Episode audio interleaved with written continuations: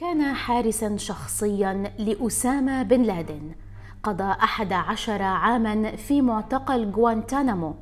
تم تشخيصه بمرض الفصام ومات قعيدا قيل إنه أضعف من أن يشكل تهديدا على الولايات المتحدة الأمريكية وأمنها.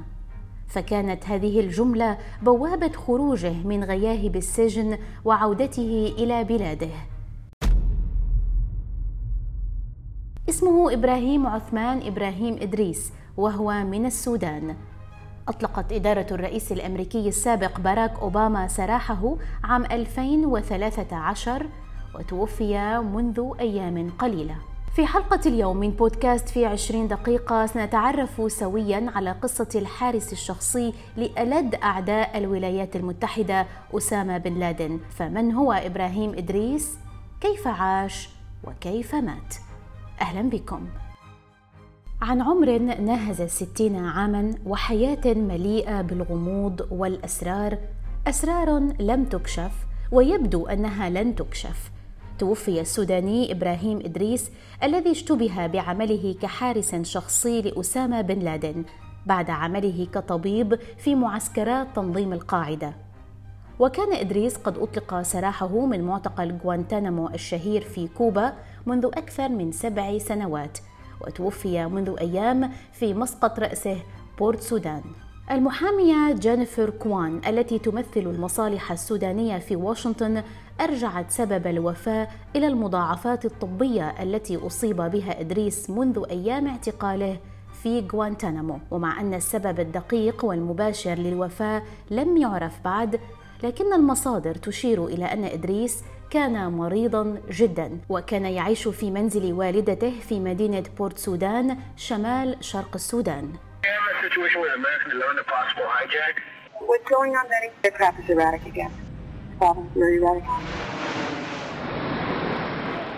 في عام 2001 وعقب هجمات الحادي عشر من أيلول سبتمبر ألقي القبض على إدريس في باكستان أثناء محاولته العبور إلى أفغانستان. كان هاربا حينها من معركة تورا بورا التي حصلت في كانون الأول ديسمبر من العام ذاته. ووفقا لملف تعريف استخباراتي عسكري أمريكي تم تسريبه عام 2008 فإن إدريس كان مقربا من زعيم تنظيم القاعدة أسامة بن لادن وكان يملك جميع التفاصيل الأمنية المرتبطة به لكن لم يتم اتهامه بارتكاب أي جريمة ونفى هو من جهته هذا الادعاء.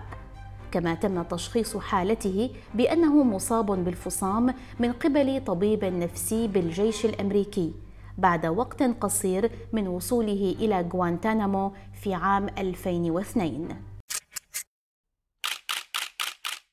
في صورة انتشرت على نطاق واسع وتناولتها وسائل الإعلام على مستوى العالم ظهر إدريس برفقة عشرين سجينا آخرين عندما تم نقلهم إلى غوانتانامو في الحادي عشر من كانون الثاني يناير عام 2002 وهو اليوم الذي افتتح فيه البنتاغون سجنه في الهواء الطلق والمعروف باسم كامب إكس راي. كمجمع احتجاز واستجواب للمقاتلين الأعداء. وتظهر تلك الصورة الشهيرة رجالا معصوبي الأعين مقيدين بالأصفاد جالسين على ركبهم وهم يرتدون بدلات برتقالية اللون. السجلات الطبية العسكرية أظهرت أن إدريس قضى فترات طويلة في وحدة الصحة السلوكية والنفسية في غوانتانامو. كما أن التقارير الصادرة عن الطبيب النفسي في السجن تشير إلى أنه كان مصابا بالفصام أو ما يعرف بالشيزوفرينيا. كما كان مصابا بالسكري وارتفاع ضغط الدم والسمنة المفرطة ومشاكل في الدورة الدموية أثناء تواجده في السجن. وبناء على هذه المعلومات تمت إعادة إدريس إلى وطنه السودان في الثامن عشر من كانون الأول ديسمبر عام 2013 إطلاق سراح إدريس اعتبر حالة نادرة لعدم معارضة الحكومة الأمريكية لالتماس في محكمة فيدرالية بشأن الإفراج عن سجين في غوانتانامو. وتم الاستناد في القضية على القانون المحلي والقانون الدولي أيضاً. إذ يقول القانون إنه إذا كان المعتقل مريضا لدرجة أنه لا يستطيع العودة إلى ساحة المعركة فيجب إعادته إلى وطنه. وأفاد محامو إدريس آنذاك أنه مريض جدا لدرجة أنه لا يمكن أن يشكل تهديدا لأي شخص. ولم تطعن الولايات المتحدة في هذا الأمر. وبالفعل جرى ترتيب نقل إدريس إلى بلده ليتمكن من الحصول على الرعاية في المنزل مع عائلته. ومع أن السودان كان لا يزال في ذلك الوقت على قائمة الدول الراعية للإرهاب لكن قرار المحكمة الفدراليه بالإفراج عن إدريس سمح له بالعودة إلى البلاد. إذ جاء الأمر من قبل قاض فيدرالي من المحكمة الجزائية الأمريكية لمنطقة كولومبيا. القاضي أقر بأن إدريس يعاني من مرض عقلي وأنه أمضى معظم سنواته الأحد عشر في غوانتانامو في جناح الأمراض النفسية كما أنه لم يتم توجيه أي اتهام رسمي لإدريس بارتكاب أي جريمة على الرغم من احتجازه في القاعدة البحرية الأمريكية كمقاتل معادي. جاء ذلك بعد مجادلات طويلة لمستشار إدريس القانوني بأن مرضه كان أكبر من أن يجعله يشكل تهديدا امنيا. الأستاذ محمود عوض الكريم الكاتب والمحلل السوداني يحدثنا بتفاصيل أكثر عن حياة إبراهيم إدريس. ولماذا كان مقربا من بن لادن؟ وكيف تقاطعت حياته في مراحل عدة مع تنظيم القاعدة؟ وكيف يتعامل السودان مع أشخاص مثل إدريس؟ توفي الدكتور إبراهيم عثمان إبراهيم إدريس في العاشر من فبراير من العام الجاري. قبل أن تكتمل الإجابة على السؤال الذي يطرح. هل إبراهيم عثمان هو الحارس الشخصي لأسامة بن لادن؟ لفت الدكتور إبراهيم الأنظار إليه باعتباره من أوائل المعتقلين في معتقل غوانتنامو منذ العام 2002 فهو المعتقل رقم 36 وهنا يمكن أن نعقد مقارنة رقمية بسيطة بينه وبين سامي الحاج مصور قناة الجزيرة السابق والذي كان يحمل الرقم 345 كان إبراهيم من العشرين الأوائل الذين تم اعتقالهم والذين وصفهم الرئيس الأمريكي السابق جورج بوش الابن بالمقاتلين الأعداء.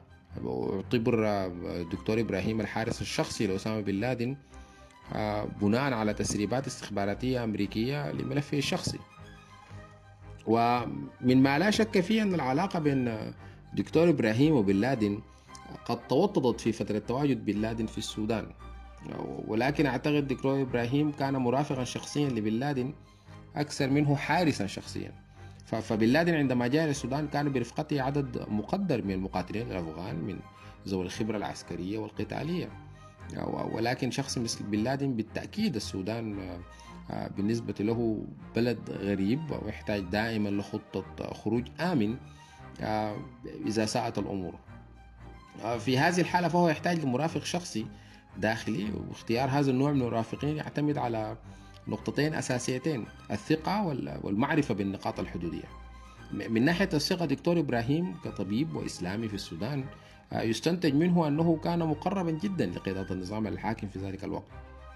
فعلاقة الإسلاميين الأطباء توطدت فيما بينهم يبان تنفيذ إضراب نقابة الأطباء في ثورة أبريل عام 1985 ومن من ما جعلهم الأكثر تنظيما داخل جماعة الإخوان المسلمين في السودان. من هنا نال الدكتور إبراهيم الثقة التامة ليكون شخصا مقربا من بن لادن. فأغلب قيادات النظام السابق كانوا من الأطباء وبالتأكيد. وهم زملاء لدكتور إبراهيم عثمان وربما قد رشحوا بعضهم للعب هذا الدور.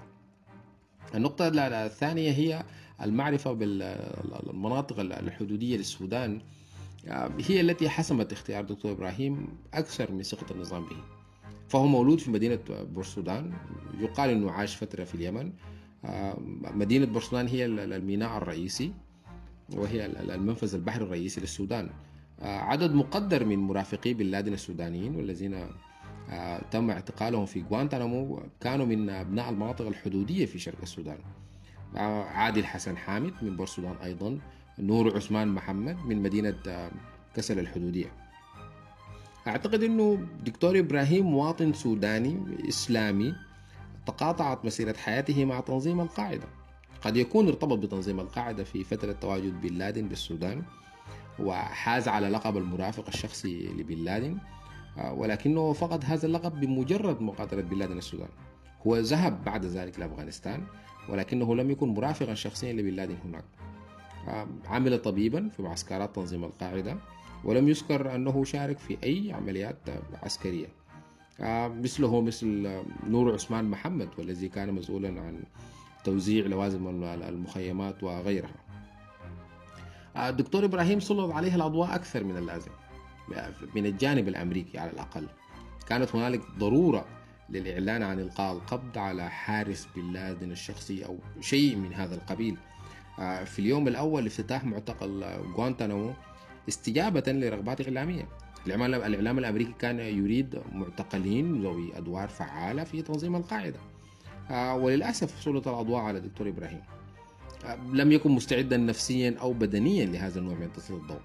وسرعان ما, ما تداعى كما ذكر زميله في المعتقل الأستاذ سامي الحاج عند تعرضه لأشكال مختلفة من التعذيب. قضى فترات طويلة في وحدة الصحة السلوكية أصيب بالفصام داخل المعتقل. إذا كان الدكتور إبراهيم هو الحارس الشخصي لبن لادن لكان أكثر تهيئا للمعيشة هناك. ولكن هذا لا ينفي أنه يملك حصيلة كافية من المعلومات التي تخص تخص فترة تواجد بن لادن في السودان. وأهمها استثماراته وطريقة تحويل الأموال والتي قد تمس عدد مقدر من أعضاء النظام السابق. آه، تم إطلاق سراحه في العام 2013 بتدهور حالته الصحية وعاد للسودان. آه، ولكن تم عزل الدكتور إبراهيم عن الإعلام السوداني السوداني بصورة ممنهجة. آه، قد يكون تحوطا باحتمال ذكره لبعض الأسماء التي أصبحت ذات نفوذ في السودان في ذلك الوقت. بالتأكيد وضعه النفسي قانونيا لا يشكل تهديدا. ولكنه قد يسلط الضوء على بعض الشخصيات النافذة والجميع يعرف الوضع القانوني الوضع القانوني دوليا لبعض رموز النظام السابق. آه، خصصت له الحكومة السودانية معاشا آه، مما يدل على المعاملة المتفردة التي آه، حظي بها على غرار بقية معتقلين آخرين في قضايا مشابهة. الآن أصبحت السيناريوهات مفتوحة فالسبب الدقيق والمباشر لوفاة الدكتور إبراهيم لم يعرف بعد. المحامية جينيفر كوان والتي تمثل المصالح السودانية في واشنطن أرجعت سبب الوفاة إلى المضاعفات الطبية التي أصيب بها منذ أيام اعتقاله بالرغم من أن التقارير الطبية الرسمية في السودان لا تشير لا تشير إلى ذلك ولم توثق سببا واضحا للوفاة في فترة حرجة من تاريخ السودان. غطت أحداث أخرى على مسألة وفاة دكتور إبراهيم. يعني الآن وبعد الثورة في السودان هنالك محاكمات لرموز السابق في القضاء وفي الإعلام. هنالك عدد من البرامج التي تبث في التلفزيون القومي بتخص مراحل مهمة في فترة النظام السابق ولكن من دون تطرق لفترة تواجد بن لادن آه، داخل السودان. الدكتور إبراهيم كان من الممكن أن يكون مصدرا موثوقا إلى حد ما لفترة تواجد بن لادن في السودان والتي ارتبطت بكثير آه، من الاستثمارات ورؤوس رؤوس الأموال آه، ولكن لسبب ما لم يحدث ذلك. وفاة الدكتور إبراهيم أزلت الستار على مرحلة مهمة في تاريخ السودان والتي مرت بلا توثيق ولا أعتقد وبعد وفاته أن هنالك شهودا من تلك المرحلة آه، يمكنهم أن يقدموا للرأي العام داخل السودان وخارجه أكثر مما هو موجود الآن. آه، سوى بعض التكهنات ربما آه، هنالك غيض من فيض مما نقله دكتور إبراهيم للذين رافقوه في آخر سنين حياته في مدينة بورسودان.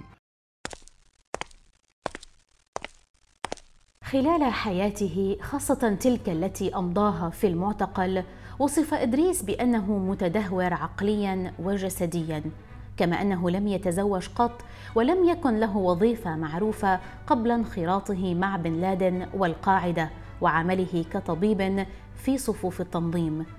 وقيل إن والدته بقيت ترعاه حتى وفاتها مؤخرا فيما أفاد صحفي خبير بشؤون غوانتانامو أن إدريس فقد عقله بسبب التعذيب الشديد الذي شهده في المعتقل سيء السمعة. خاصة أن الضباط والحراس الأمريكيون اعتقدوا أنه سيقدم لهم بعض المعلومات القيمة عن بن لادن تحت التعذيب. شهادات المعتقلين الأوائل تضمنت وصفا لعملية الاستجواب في غوانتانامو حيث تتم عادة تقييد السجناء وهم عراة داخل زنزانة شديدة البرودة وحرمانهم من النوم باستخدام الموسيقى الصاخبة والأضواء القوية بهدف كسب تعاون المعتقل وإجباره على الإدلاء بما لديه من معلومات. ما جعل منظمة العفو الدولية تعتبر معتقل غوانتانامو تجسيدا أمريكيا لهمجية العصر الحديث ومكانا تنعدم فيه القيم الإنسانية وتتم معاملة المعتقلين فيه بقساوة شديدة. الأمر الذي أدى إلى احتجاج العديد من المنظمات الإنسانية والحقوقية الدولية ومطالبتها بإغلاق المعتقل. من جهته رفض مايك هاورد المتحدث باسم وزارة الدفاع لشؤون غوانتانامو رفض التعليق على قضية إدريس على وجه التحديد. لكنه قال إن التعذيب أو المعاملة القاسية والمهينة محظورة على جميع الأفراد الأمريكيين في جميع المواقع. وأضاف نحن ندرك حدوث انتهاكات للقانون من قبل موظفين أمريكيين في الماضي. ومع ذلك يتم إجراء تحقيق شامل في جميع الادعاءات الموثوقة بوقوع إساءة معاملة. وأولئك الذين لم يلتزموا بالمعايير المطلوبة سيتعرضون للمساءلة القانونية. كانت هذه حلقة اليوم من بودكاست في عشرين دقيقة. تحدثنا فيها عن قصة الحارس الشخصي لأسامة بن لادن الذي توفي قبل أيام. إبراهيم إدريس الذي خصصت له الحكومة السودانية معاشا لدى عودته إليها. كان قد بقي محتجزا لأكثر من أحد عشر عاما في غوانتانامو. وبحسب المحامية جينيفر كوان لم يكن يجب على إدريس إمضاء كل هذه الفترة هناك. لكن كوان أعربت عن سعادتها أن إدريس قضى السنوات السبع الأخيرة من حياته في بلده ومع أسرته. لكن هذا لا يمحو سوء معاملته من قبل الولايات المتحدة قبل ذلك. كما تقول المحامية كوان. شكرا لكم على الاستماع إلينا ونلتقي في حلقة جديدة على راديو الآن. إلى اللقاء.